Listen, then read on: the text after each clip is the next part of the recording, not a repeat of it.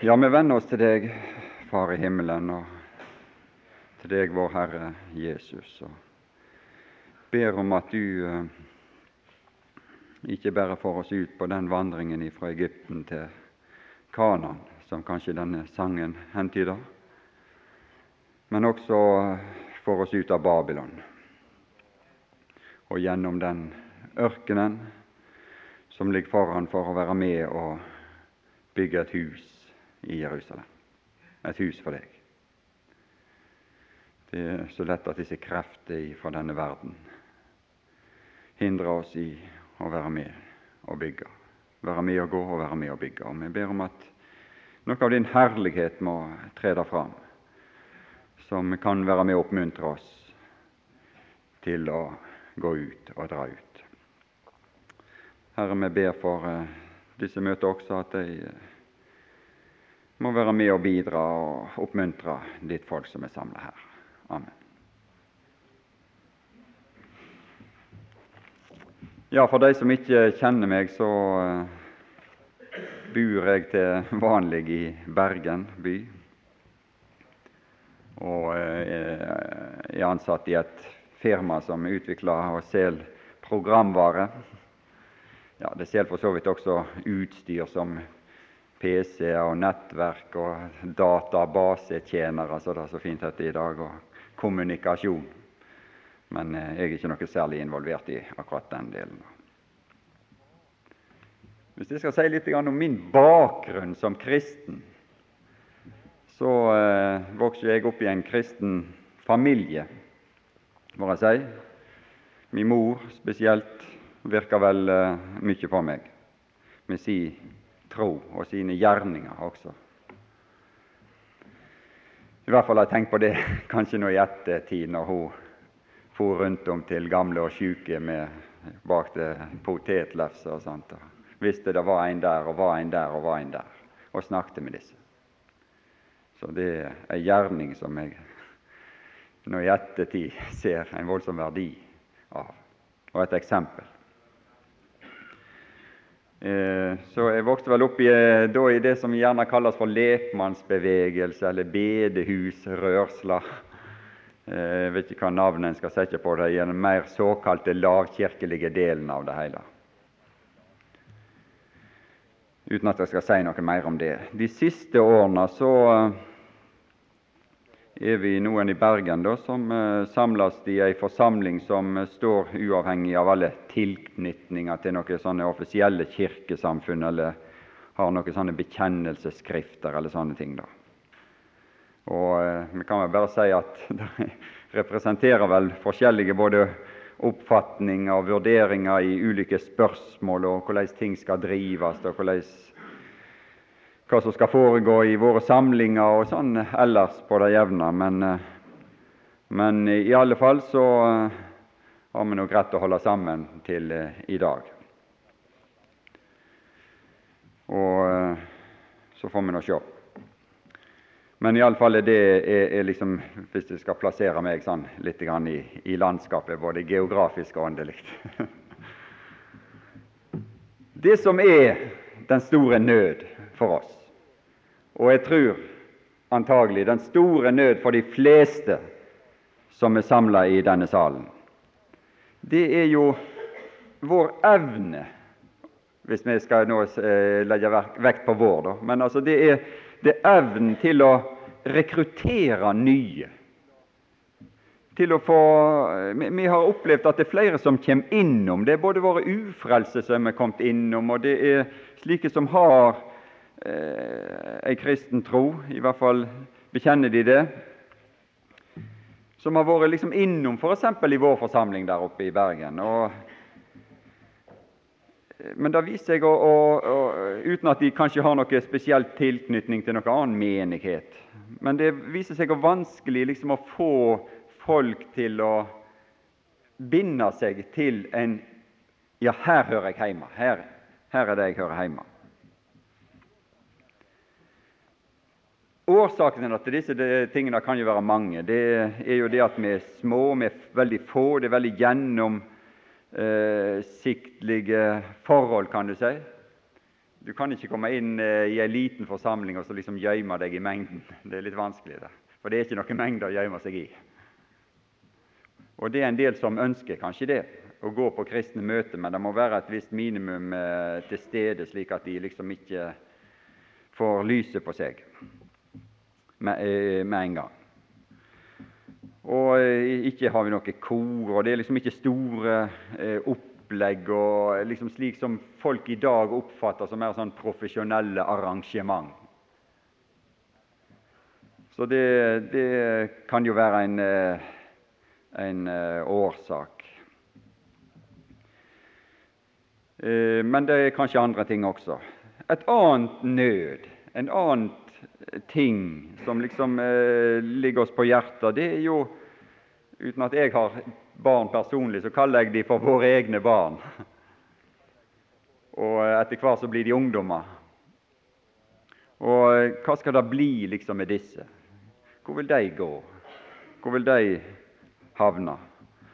vil de fortsette å danne nye greiner liksom i, i forsamlingen, bli en del av dette fellesskapet, av denne forsamling, av denne menighet?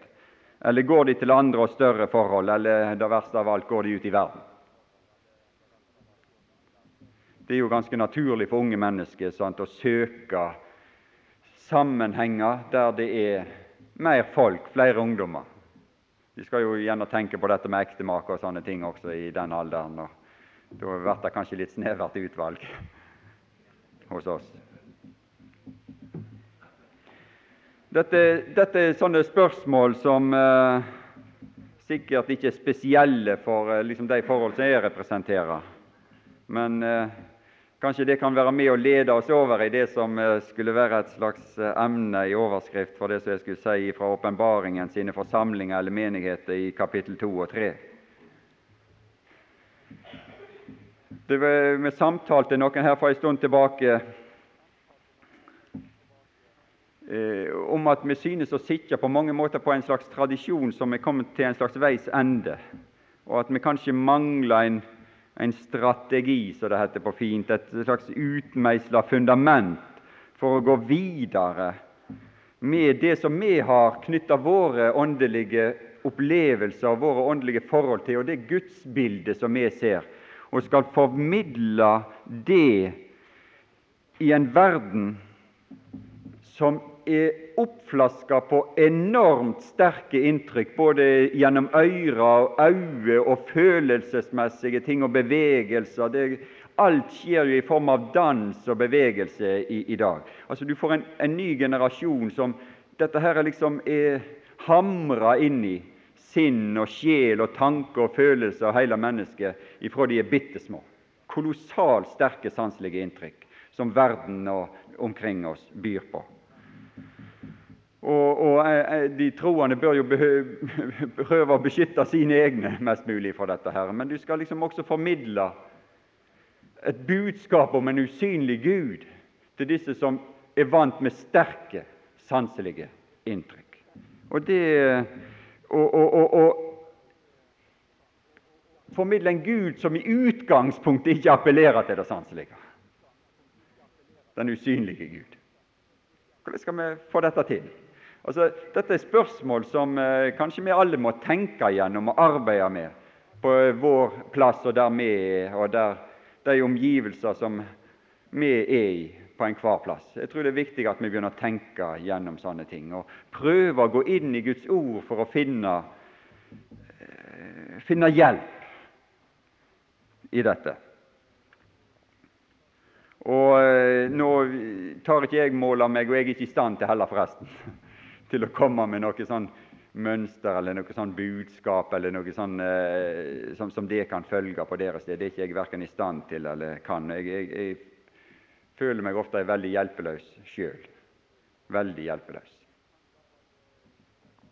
Men vi kan i hvert fall eh, prøve å minne om et par av disse mer grunnleggende ting, slik at vi i vår streben i alle fall ikke forlater selv det egentlige fundamentet, de egentlige ting, men må, må, må liksom alltid ha det i tanke og prøve å bevare det på vår vei videre så får Herren vise oss, åpenbare for oss, hvor, hver på vår plass og i vår situasjon, hva som er veien for den enkelte videre.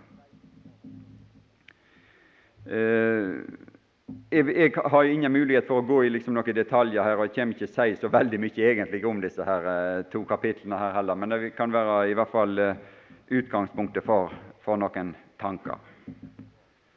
Disse forsamlinger, disse menigheter, de er omtalt som lysestaker. Altså Hvis vi leser i kapittel 1, f.eks. det siste verset der, så står det at de sju lysestaker er sju menigheter. Og eh, Det å definere en lysestake sin oppgave er jo forholdsvis enkelt, for det er jo rett og slett å opplyse. Men spørsmålet er jo hva er det det skal opplyses om? Hva er det lysestaken her skal opplyse om? Og hva er det som er virkningen av denne opplysning? Hvis vi ser litt eh, på, på lysestaken f.eks. I, i den første, enn den som er nevnt i 2. Mosebok 25, når, eh, som, som Herren viser Moses på fjellet, så ser vi det at lysestakens oppgave, i hvert fall én av de, det er egentlig å kaste lys over sin egen skjønnhet. Den skal opplyse Lampene på lysestaken skal opplyse lysestakens mesterverk. For det var et mesterverk. Det var et unikt kunstverk som denne lysestaken var. Men det var jo ingen vits at den sto der i mørket. Den måtte opplyses av disse lampene, slik at den, den, skulle at en skulle bli oppmerksom på dens verdi. Den var jo laget av rent gull, en, en mengde rent gull. Og det mesterverk den var som uthamra gull, som bearbeida gull. Tenk, den var laget av ett stykke, med denne hovedlysestaken der i midten, og så disse gre eh, seks greinene som gikk ut til hver side. Uthamra av ett stykke gull. Et mesterverk uten like. Og Når det står her i, i, femte, i andre Mosebok 25, og eh, så leser vi vers 37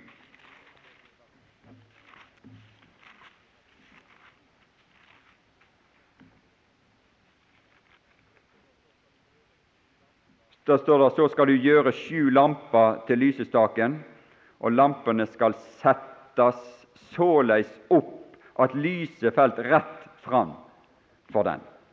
Så vidt jeg har forstått dette her, så skulle lampene arrangeres, lyset og lampene skulle arrangeres slik at lyset falt på lysestaken sjøl. Det var jo et par andre gjenstander inne i dette i utgangspunktet mørke rommet også, som skulle opplyses av den samme lysestaken. Det var skuebrødsporet, og det var røykerforalteret i denne sammenheng. Men lysestaken skulle også ha sin opplysning ifra disse lampene. I all sin herlighet. Hvis vi leser i vers 31, så ser vi det at du, han skulle gjøre en lysestake av rent gull. I drevet eller uthamra arbeid skal lysestaken gjøres. Både foten på den og stangen, begerne, knoppene, blomstene skal være i ett med den. Og I vers 33 så står det at det skulle være mandelforma beger. Det synes som om at det er mandeltreet, dette her er tidlige treet, dette treet som har en veldig prakt tidlig på våren i sin blomstring, når det sett sine knopper, sine blomster og senere sin fulle frukt. Det var det som var mønsteret, det var det som var modellen, og det var det som skulle finnes i lysestaken, i den skjønnhet, både med knopper, med blomster og med fullmoden frukt. Menigheten er Kristus, og det er de som tror på Han. De er da lemmer, de er greiner på Kristus, på menigheten. De er av Han, de er av samme art som Han, av samme natur, av samme bilde som Han. det er et verk av Gud som er gjort med menigheten. Det må vi se. Det må vi bevare. Dette bildet må vi ha. Denne forståelsen må vi ha når vi omtaler menigheten. Denne bakgrunnen må vi ha. Og menighetens oppgave det er å bære opp et lys i verden som viser Kristus i herlighet. Han er jo der oppe nå i herlighet, men menighetens oppgave er å vise Kristus i herlighet i denne mørke verden. Det er det dette lyset er tenkt å gjøre for de som er i menigheten, for de som utgjør menigheten, skal den opplysning være, og for de som kommer i berøring med menigheten, som står utenfor. At de erkjenner, at de ser Hans herlighet i berøring med oss som Hans menighet, og må erkjenne den. Og kanskje sjøl bli innlemma. Det er jo det gode resultatet, den gode frukt, hvis de sjøl blir innlemma i menigheten, de som nå er utenfor. Vi har Kristus i forskjellige utviklingstrinn, om du vil, som knopp, som blomst og som fullmoden frukt. Vi kan utlegge, vi kan forklare, vi kan omtale Kristus i alle disse ting og se Hans skjønnhet. Se Kristus i berøring med mennesket, f.eks. i evangeliet. Finnes det noe skjønnere enn det? er det beskrevet noe vakrere i denne verden enn når Kristus i hans omgang med mennesker i denne verden. Finnes det noe mer fascinerende, finnes det noe mer skjønt når han behandler syndere, når han behandler fariseere, når han behandler saduseere, når han behandler de skriftlærde, når han behandler sine egne, når han behandler alle slags mennesker? Det finnes ikke noe skjønnere bilde. Det finnes ikke noe skjønnere å se enn det. Og vi skal følge han videre fra hans barndom, fra han var en knopp, fram i, i, hans blomst og hans manndom og fram til korset, og i hans oppstandelse, i hans herliggjøring og i hans stilling i himmelen i dag, og i hans komme, som er den, fulle, det er den fullendte frukt. Og åpenbaringen full av hans komme. Jeg kommer, hvis du skal, sette, hvis du skal beskrive åpenbaringen med to ord, så er det 'Han kommer'. For han kommer. Og han kommer til alle menighetene her, så sier han 'Jeg kommer'. Jeg kommer. Ellers kommer jeg, sier han. Jeg kommer. Og jeg tror at i alle de sammenhenger når det er nevnt dette med Hans komme, så er det egentlig Hans komme i herlighet han taler om. Vi skal leve nå, arbeide nå, være nå i det lys at han er like om hjørnet. Han kommer straks. Hva er det vi driver på med hver dag i det lys? Hva er vår virksomhet? Hva er det vi steller med? Hva er det vi fyller livet vårt med? Hva er det verdt i det lys at Jesus er like rundt hjørnet? Plutselig så er han der. Jeg kommer. Jeg kommer, jeg kommer. Det sier han til alle menighetene unntatt denne Smyrna. For de måtte vente på døden. De måtte vente på å lide martyrdøden for han, og han gir dem en kraftig oppmuntring i så måte. Men til alle andre sier han 'Jeg kommer'.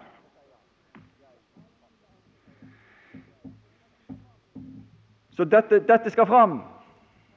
Men i menigheten, på disse greiene, på alle disse greiene som var på den lysestaken, skulle også være knopper og blomster og fullmoden frukt. Og Johannes i sitt første brev så taler han om barn og unge og fedre. Og Det er det som skulle være så tiltrekkende iblant oss, at det skulle framvises alle disse ting. Knopper, barn, unge som står i sin fulle blomst, og fedre, som kan representere den fullmodne frukt. Så kan vi lese om, om, om disse i 1. Johannes brev. Så det, det, det, er på en måte det som er litt av nøden iblant oss. At hvor blir det av knoppene? Hvor blir det etter hvert av disse som er i full blomst? Og hva, hva, med de som er blitt fedre? Jeg vet ikke om jeg er blitt far ennå. Om jeg har fått noe frukt.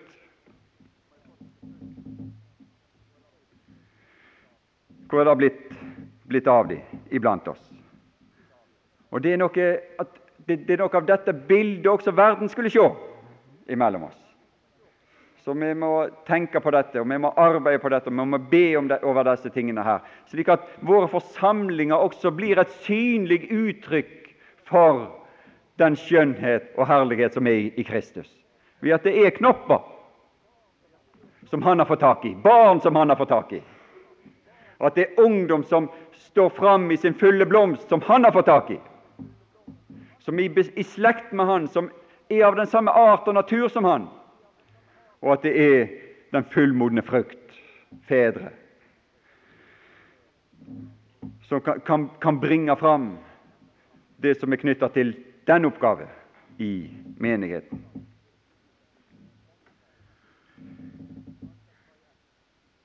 Alt dette var i ett. Og Det var altså mandeltreet som var liksom modellen for det hele. Dette våkne treet, dette tidlige treet om våren, som kommer med sine knopper før alle andre tre, og som har denne veldige herlighet i sin, i sin blomstring, og som gir denne gode frukt i sin tid, som taler om friskhet, som taler om liv, som taler om kraft, Arons stav, som vi kjenner til, som, som, som ble lagt der framfor Herrens åsyn, og som blomstra. Ut av denne avhogde stav, ut av han som var død, og så, så, så kom det liv. Og Vi ser også han som var død. Sjå, jeg var død, sier han i kapittel 1. Men jeg lever i all evighet. Jeg er Arons stav som blomstrer, og for å leve i all evighet. Så du har en friskhet. Det taler om en friskhet, en livsfriskhet. Oppstandelsesliv, oppstandelseskraft. Og Det er dette som trengs formidles også til våre omgivelser, så det blir synlig for våre omgivelser. At vi har noe som de ikke har. Vi har ikke en håpløshet. Vi har ikke, et, vi har ikke eh, De utlevde før de er 15 år nå, mange. Vi er ikke utlevde. Selv om vi er oppe i de grå hår, så er, det, er vi fulle av liv og livskraft og håp. Og vi strekker oss fram imot noe som er der, der oppe. Han som kommer. Det er to betingelser, kan vi si, for at lysestaken sin skjønnhet skal kunne komme til syne. Og Den ene er jo det at eh, det ble besørga en stadig tilførsel av olja til disse begerne som olja ble helt oppi.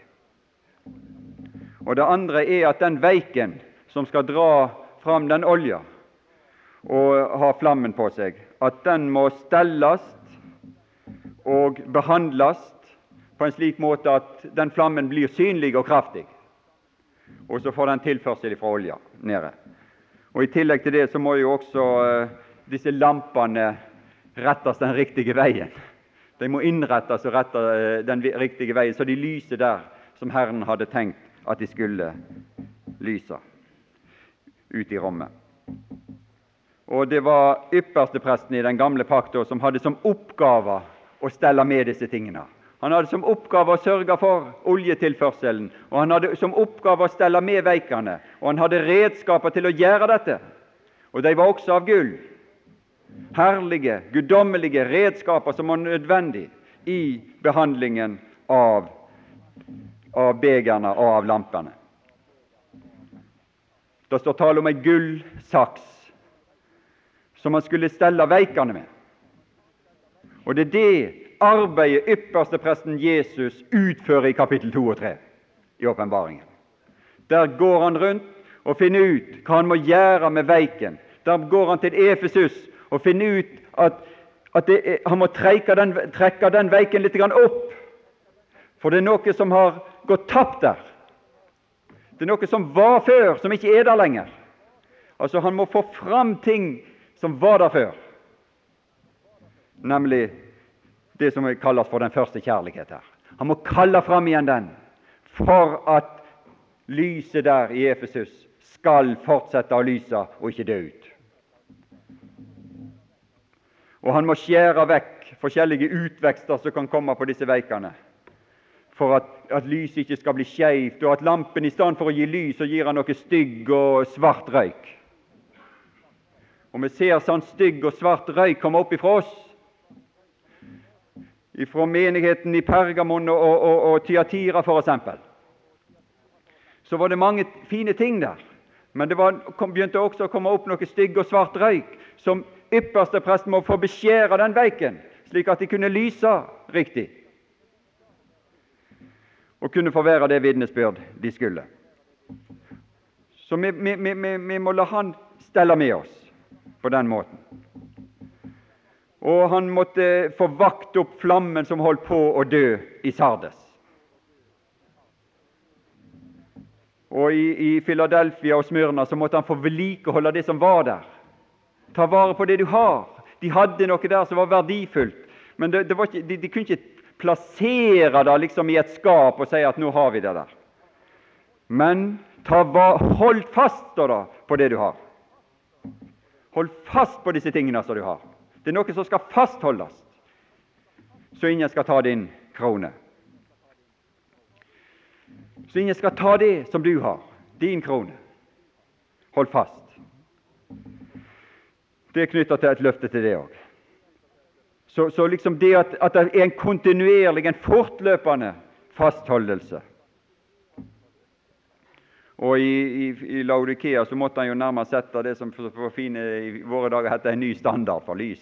De hadde definert seg sin egen standard for lys. Og den standarden var ikke i henhold til den guddommelige standard. De hadde oppfatninger, de hadde meninger som ikke var korrigert av den guddommelige standard for lys. Og så måtte det innføres en ny standard, den egentlige, guddommelige standard for lys. Og Det er han som altså tilfører oljen, og oljen er jo eh, ofte i Bibelen et bilde på Ånden, Den hellige ånd.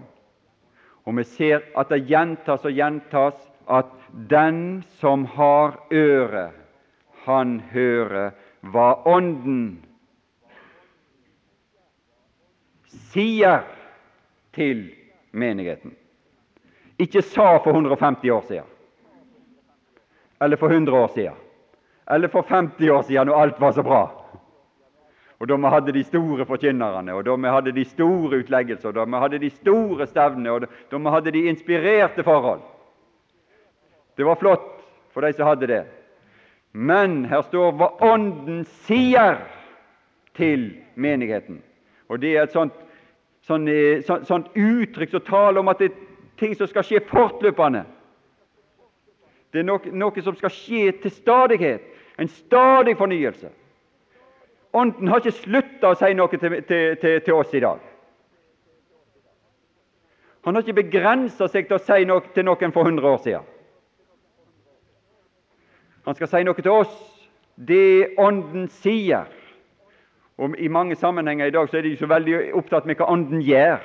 Det er Åndens gjerning, og de, Ånden gjør mange rare ting som er, virker rart for oss rundt om i forskjellige menigheter i dag. I hvert fall sier folk, eller de som leder dette, her, at det er Ånden som gjør det. Så de er opptatt med det skal, Ånden skal gjøre mange rare ting i menigheten. Men her står det 'Den som har ørene, hører hva Ånden sier'. Det er ord som skal formidles til oss, som skal tale til oss og inn i vår situasjon. Og, men disse ordene her skal, kan føre til opplevelser for oss på samme måten som ordene som Johannes fikk, følte, førte til en opplevelse for han. Han så ting gjennom de ord som Guds ånd kom til han med her på Patmos.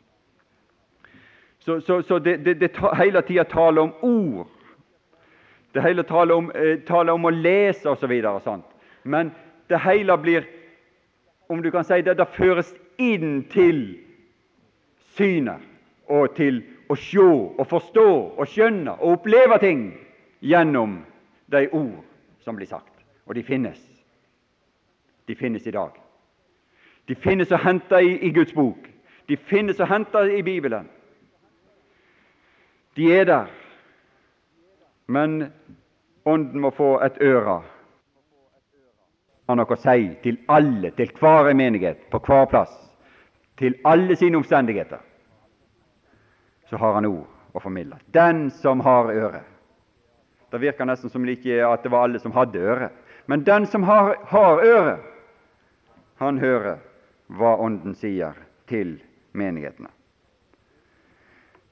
Og et så, så, jeg tror liksom for å sette opp et mønster, for å sette opp på en måte et ideal for Åndens tale og Hans tale eller opplysningsvirkning, så har Herren gitt oss kapittel 1. I vers 10 eh, så står det om Johannes at han var bortrykket i ånden. Han hørte en åndens tale. Han så, hørte ei røst som av en basun inni sitt eire. Og Johannes var av de lykkelige, og han er et mønster for oss. Han hørte, han hadde øyre for hva Ånden sier til menigheten. Det fikk han høre. Og så står det i vers 12 Jeg vendte meg om for å se røsten som talte til meg. Det måtte en omvendelse til Johan òg, akkurat som det er mange omvendelser i Åpenbaringen 2 og 3. Johannes var sikkert blitt opptatt med sine omgivelser. Han var i fangenskap. Han var kanskje opptatt med sin situasjon og om hvor liksom, sine vansker og, og hvor vanskelig alt var osv den trengsel som han var ført ut i. Og Så ble han liksom fanga litt av dette. Men så hadde han et øre som var åpen for en stemme ovenifra. Og så hørte han den stemmen, og så vendte han seg om for å sjå røsten som talte til han.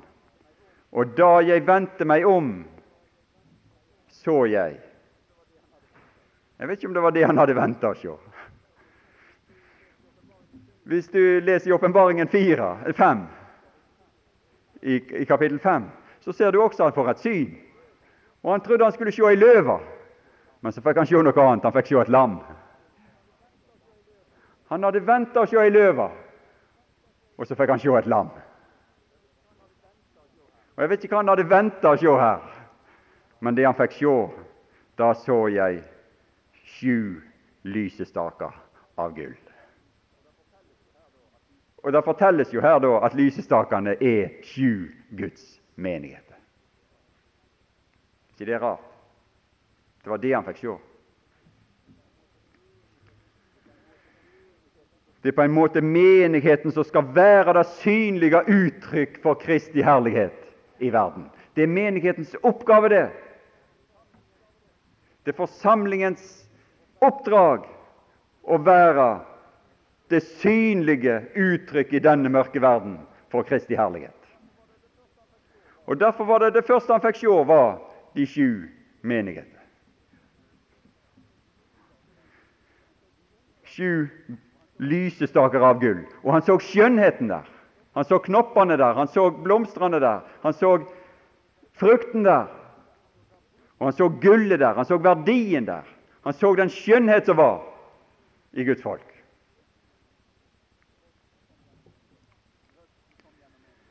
Røsten kom gjennom menigheten.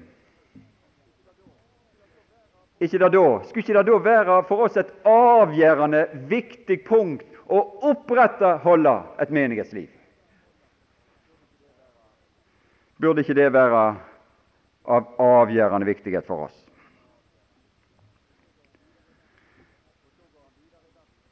Og så går han videre i vers 13, men midt imellom lysestakene så så jeg en som lignet en menneskesønn. Så trer liksom lysestakene litt tilbake, og så, så trer Kristus fram. Den sanne menighet og sunne menighet viser fram Kristus i hans herlighet etter hans fornedrelse, så viser den fram hans herlighet. I, Johannes 17 så taler jo Jesus eh, der om sitt eh, oppdrag, i Johannes 17 og vers 4, eh, er det vel.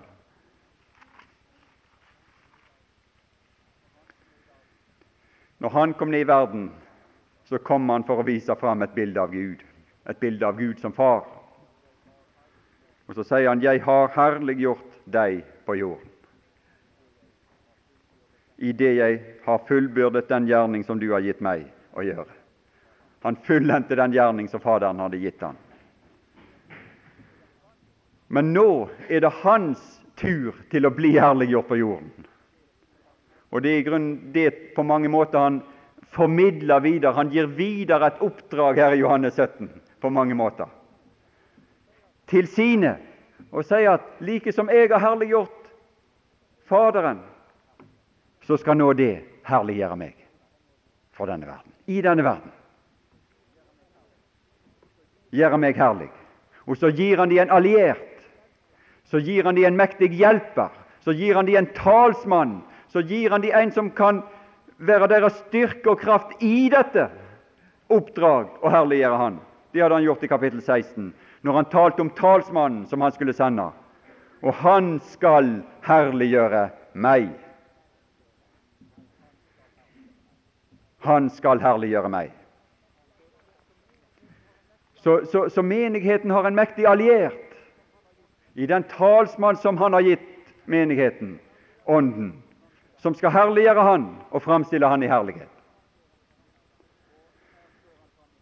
Og her står han fram i herlighet i vers 13 og 14 og 15 og 16 i kapittel 1. Så står han fram i herlighet. Og vi har på en måte dette, om, om, om, vi kunne si det sånn at dette er på en måte den ideelle beskrivelse av en menighetsarbeid. Det at Kristus skal åpenbare seg slik for den enkelte av oss som han gjør her for Johannes og at han skal åpenbare seg for de som kommer i berøring med oss, på samme måten som han gjorde her for Johannes. Det er det ideelle. Det er et høyt mål. Men vi gjør vel i å ta inn disse beskrivelser, betrakte dette, se dette. Og så gis det en virkning her i vers 17. Så kommer virkningen av det hele. Av dette lys og da jeg så ham Ja, oppe i vers 12 så så han sju lysestaker av gull. Men det synet ble ført videre til at han så Han. Han så Kristi herlighet. Og da jeg så Han, falt jeg ned for hans føtter som en død. Det står om en som kommer inn i menigheten i Korint, som faller på sitt ansikt og erkjenner at Herren er iblant dem.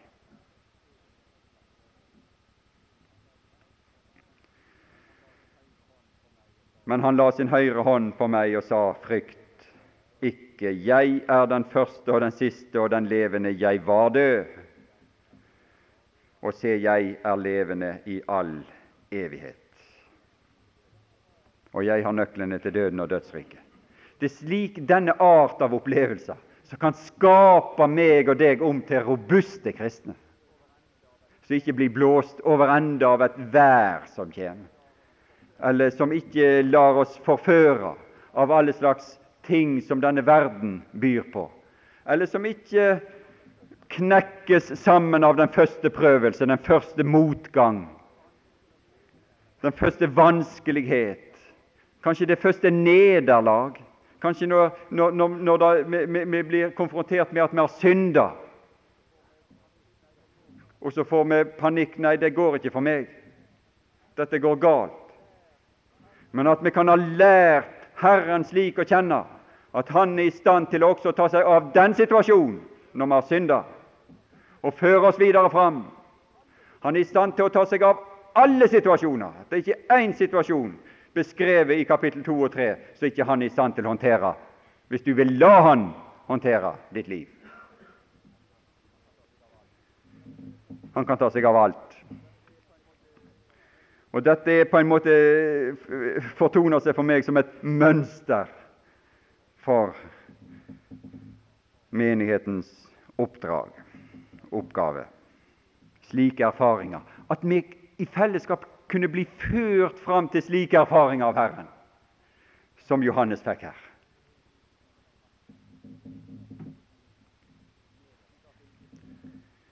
Slik at det ikke blir nederlag, men at det blir slike som kapittel 2 og 3 taler om den som seirer.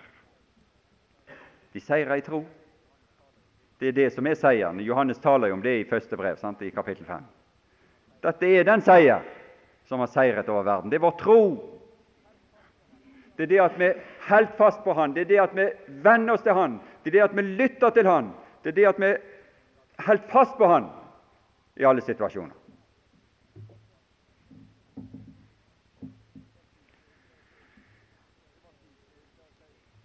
Det var slik bare si, si før, jeg, jeg, vil ikke gå inn i noe i kapittel 2 og 3 nå, men bare si litt grann en slags eh, sånn kort, veldig kort, bare for å nevne eh, noen ting i Det gamle testamentet om den lysesaken. Det blir veldig kort, og jeg, ikke, jeg, vet ikke om jeg er i stand til å si så mange detaljerte ting heller om det. Det kan jeg sikkert lese i forskjellige bøker. Det var slik at denne lysestaken jo ble danna i eller Moses fikk den beskreven oppå fjellet. Når han var i Guds herlighet på fjellet, så fikk han beskreven den i kapittel 25 som en gjenstand som skulle lages av all denne mengde gull og dette ufattelige kunstverk som skulle uthamres der. Vi ser seinere eh, at ja, det skulle også lages ei lysesaks og noen brikker som, som disse redskapene skulle legges på. Alt av gull. Alt skulle være av gull. Alt skulle være av den himmelske art slik at når presten benytta sakse, så var det av himmelsk art, det hele. Og når han bruker sakse i kapittel 2 og 3, så er det himmelens ypperste prest som bruker himmelske redskaper for at lampen, at veiken, skal komme til syne og gjøre det den skal, og trekke opp olja og lyse opp. Og Det var slik at ypperstepresten skulle stelle om dette her, slik at det lyste til enhver tid. Det alltid var lys der. Det skulle være fortløpende. Alltid skulle dette her lyse opp. Nå var det slik at det var i det hellige, i det aller helligste så var det ikke noe slik lyd, lys, for der var Herren sjøl lyset. Det trengtes ikke noe slik lys der. Og det er jo slik også Jesus sier det, at når Han er i verden, så er Han verdens lys. Da er Han den store sol som opplyser denne verden. Men nå er ikke han her. Og nå er natten kommet, nå lever vi i natten. Og da ser vi ut i den mørke himmel, og da skulle det være mange slike stjerner. Så Vi har sju av disse stjernene på himmelen er beskrevet her i kapittel 2 og 3. Det, det, det er slike lyspunkt som skal være i denne verden, som mennesker kan komme i kontakt med og navigere etter i en mørk verden. Og Han er opptatt med at disse stjernene skal lyse klart her. Det, det, du kan si de former om du kan si det sånn at du går der og der og der og der og der i disse sju menigheter, så kan du nesten si at det former en slags form for stjernebilde. Denne lysestaken skal være da på enhver plass der det er en menighet. Og Så ser vi litt seinere, f.eks. i første Samuel, så har vi kommet til et punkt i Israels historie der, der uh, der det, det er gått nedover med, med, det hele. Og der det står et sånt uttrykk her eh, at det står at Guds lampe var ennå ikke sluknet. Ja, men han skulle jo aldri slukne. I kapittel 3 og vers 3. Guds lampe var ennå ikke sluknet. Men det var ikke meninga at Guds lampe skulle slukkes. Men det ser ut som at det var kommet til den punktet her nå at denne lampen var i ferd med å slukkes. Denne lysestaken var i ferd med å Ja, lysestaken sto jo der, men lampen var i ferd med å sluknes. Det, det, det, det, står tale om at, eh, at, Herrens ord i vers 1 var dyrt i de dager, og av syner var det lite. Det var lite tilførsel av olje til denne lampe, så lampen holdt på å slukne. På grunn av slik Guds folk hadde tedd seg og hadde innretta seg, og den måten de hadde ført fram det som var overgitt ved Moses på. Nå var det blitt slik. Så ble det en viss oppblomstring med Samuel. Han ville gjøre noe i Israel, sier han i, vers 11. Jeg vil gjøre noe i Israel så det skal ringe for begge ørene, på hver den som hører det. Og Det er det han prøver også ånden i, i kapittel 2 og 3. Det skal ringe i ørene på hver den som hører det. Ånden sier, hver den som har øre, den som har øre, hører hva Ånden sier til menighetene. At det kan ringe litt i ørene våre med tanke på det som Herren skal gjøre, og det Han er. Så det kan virke på oss. Og Det ble jo en god tid i Israel med Samuel, etter at det blitt, var jo en dårlig tid her før Samuel steg fram. Og de tok jo enda til arken ut av tempelet. Kanskje de tok lysestaken med, jeg vet ikke. Men de tok i hvert fall arken ut av tempelet og førte den til filisterne. Men Herren vet jo alltid å ivareta sin herlighet, så han ivaretok sin herlighet. Det som var tragedien, eh, tragedien, i Israel, var at Herrens herlighet gikk bort ifra deg, ikke at herlig, Herrens herlighet opphører, for den opphører aldri. Herren vet alltid å ta vare på sin herlighet. Og han tok vare på sin herlighet når eh, arken sto der i, i, eh, blant filisterne også. Så det er jo fornøyelig nesten å lese når de går litt utover der, hvordan han gjorde det. Men så ble det ei bra tid med Samuel og de første konger. Og Dette leder jo fram også til tempelet der lysestaken ble satt opp, og det ble laga flere lysestaker som ble satt utover der. Ti, eller tror jeg det var. Men det varte jo ikke så lenge. Og så ble dette vitnesbyrdet igjen dårlig, og det ble så dårlig at lysestaken på nytt falt i fiendens hender, og den ble ført sammen med de andre redskapene til Babylon. Og der ble den satt inn i et hus. Og der var den. Og ved en anledning i Daniel 5, profeten Daniel 5, som er et slags lavpunkt, så fant kong Belsasar ut Det står at han drakk vin for sine stormenns øyne. Han gjorde et gjestebud for, for dem. Og i vers 2, da vinen smakte Belsasar, bød han at de gull og sølvkar som hans far Nebukaneser hadde tatt bort fra tempelet i Jerusalem, skulle hente, så kongen og hans stormenn og hans hustruer og hans medhustruer kunne drikke av dem. Og så hentet de de gullkar som var tatt bort fra tempelet, fra Guds hus i Jerusalem, og kongen og hans stormenn og hans hustru og hans medhustruer drakk av dem. Og de drakk vin og priste sine guder av gull og sølv, av kopper, jern, tre og stein. Her er liksom et uttrykk for at de gudene som de hadde laga, viste sin overlegenhet overfor den sanne Gud, Israels Gud. De lagde et arrangement for å vise sin overlegen, at våre guder, denne verdens guder, det som denne verden steller i stand, det er langt overlegent det som Israels Gud har. Og så For å uttrykke liksom sin forakt og fornedre Israels Gud og Israels barn på det groveste, så gjør de dette her. Og viser sin suverenitet over alt som er av Gud. De vanærer Han, de latterliggjør Guds vitnesbyrd for å vise at sine guder, sin filosofi, sine tanker, sin vitenskap, sin lære, alt som er oppe i tiden nå, alt som stelles med liksom i, i, i, i verdens utvikling, og det som blir, blir eh, regna som de store menn i denne verden, stormennene i denne verden. De kan heve seg over og si liksom at alt Guds vitnesbyrd, det som Gud har talt, det som står her Vi har seira over det.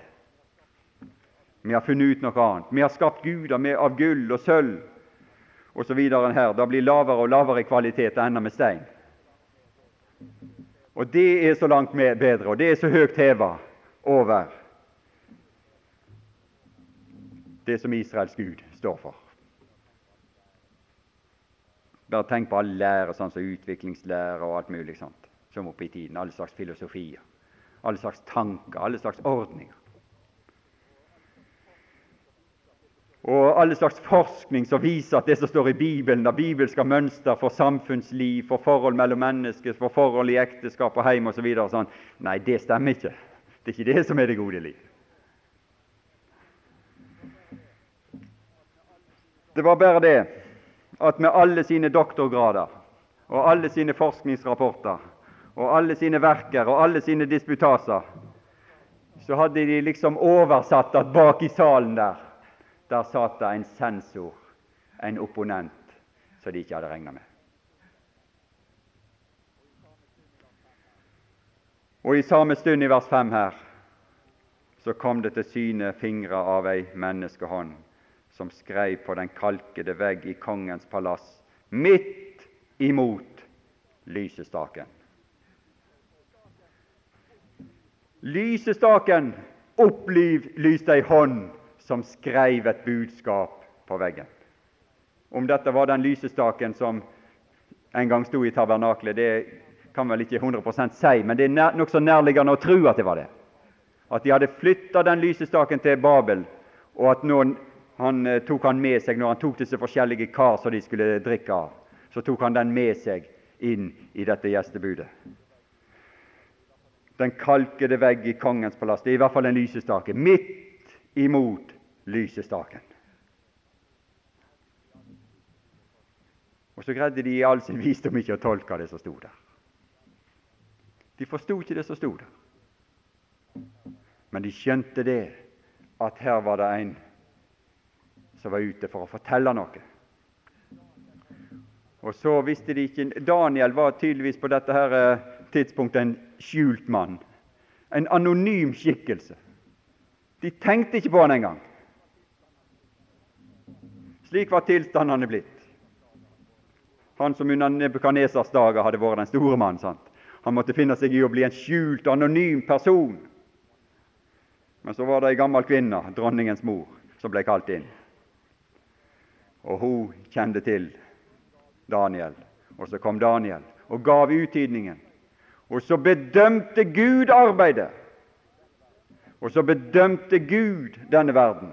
Og så bedømmer Gud alt som har med denne verdens ting og forhold og skikkelser og lære å gjøre. Og han sa at det er veiet og funnet for lett.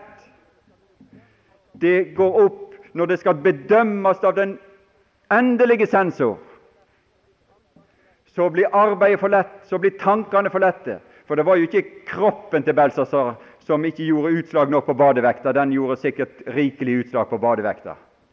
Det var ikke den som ble tenkt, tenkt på når han var for lett. Men det var hele hans liv, hans sinn, hans lære, det han fylte seg med. Og det han gjorde, hele hans gjerning som var for lett i Guds vektskål. Og så for han til værs. Og så ble det hele dømt.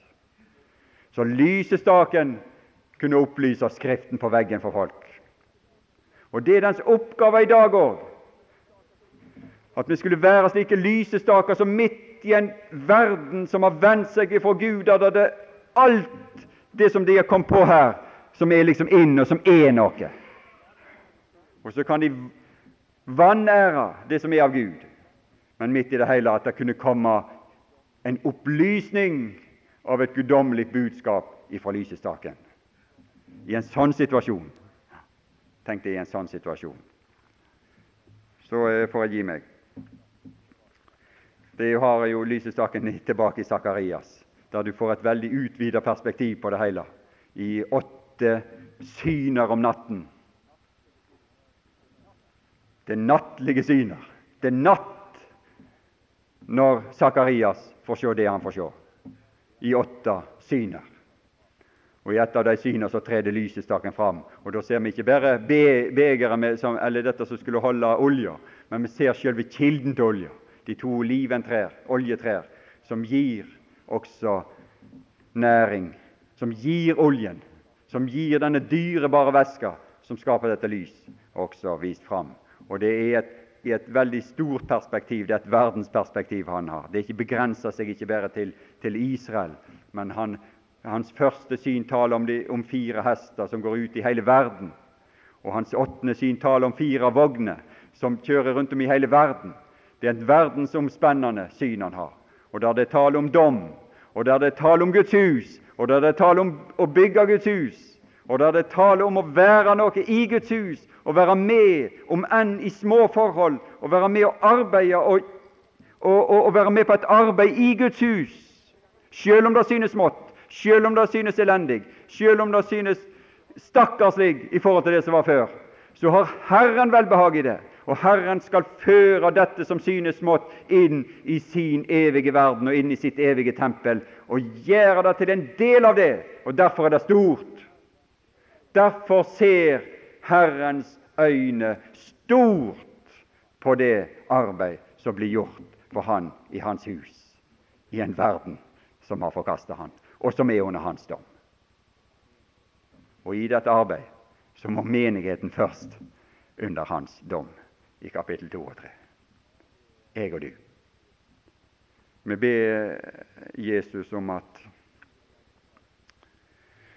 du ved Din ånd fortaler til oss. Du får gi oss slike ord som du gav din tjener Johannes. Og du får føre oss inn i slike opplevelser, slike syner av den art som du gav din tjener Johannes, slik at det kunne virke på oss slik som det virker på han slik at vi kunne bli gode, levende vitnesbyrd for deg, både enkeltvis i vårt liv og i vår ferd og vår tale og det vi står for, og det vi gjør, og det vi prioriterer, og det vi bruker tiden vårt på, og det vi deltar i, og det vi lar være å delta i.